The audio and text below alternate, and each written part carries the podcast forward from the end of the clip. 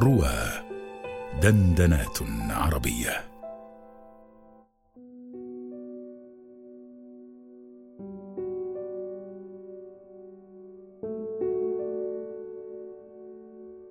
للزمن تلك القدرة الإلهية على تحويل الشيء إلى ضده على تحويل المطلق إلى نسبي والحضور إلى غياب والوجود إلى عدم.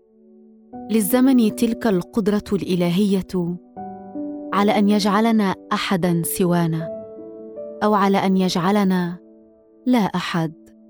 في الزمن ما من حبال نستوثق بها فالحبال مشدودة بين أمس مر وغد سيمر أيضا وبينهما يوم يمر.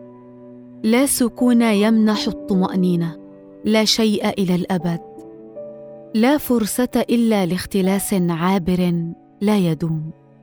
تختلس الحزن كما تختلس السعادة. فكلاهما يفنى ولا تبقى أنت أيضا.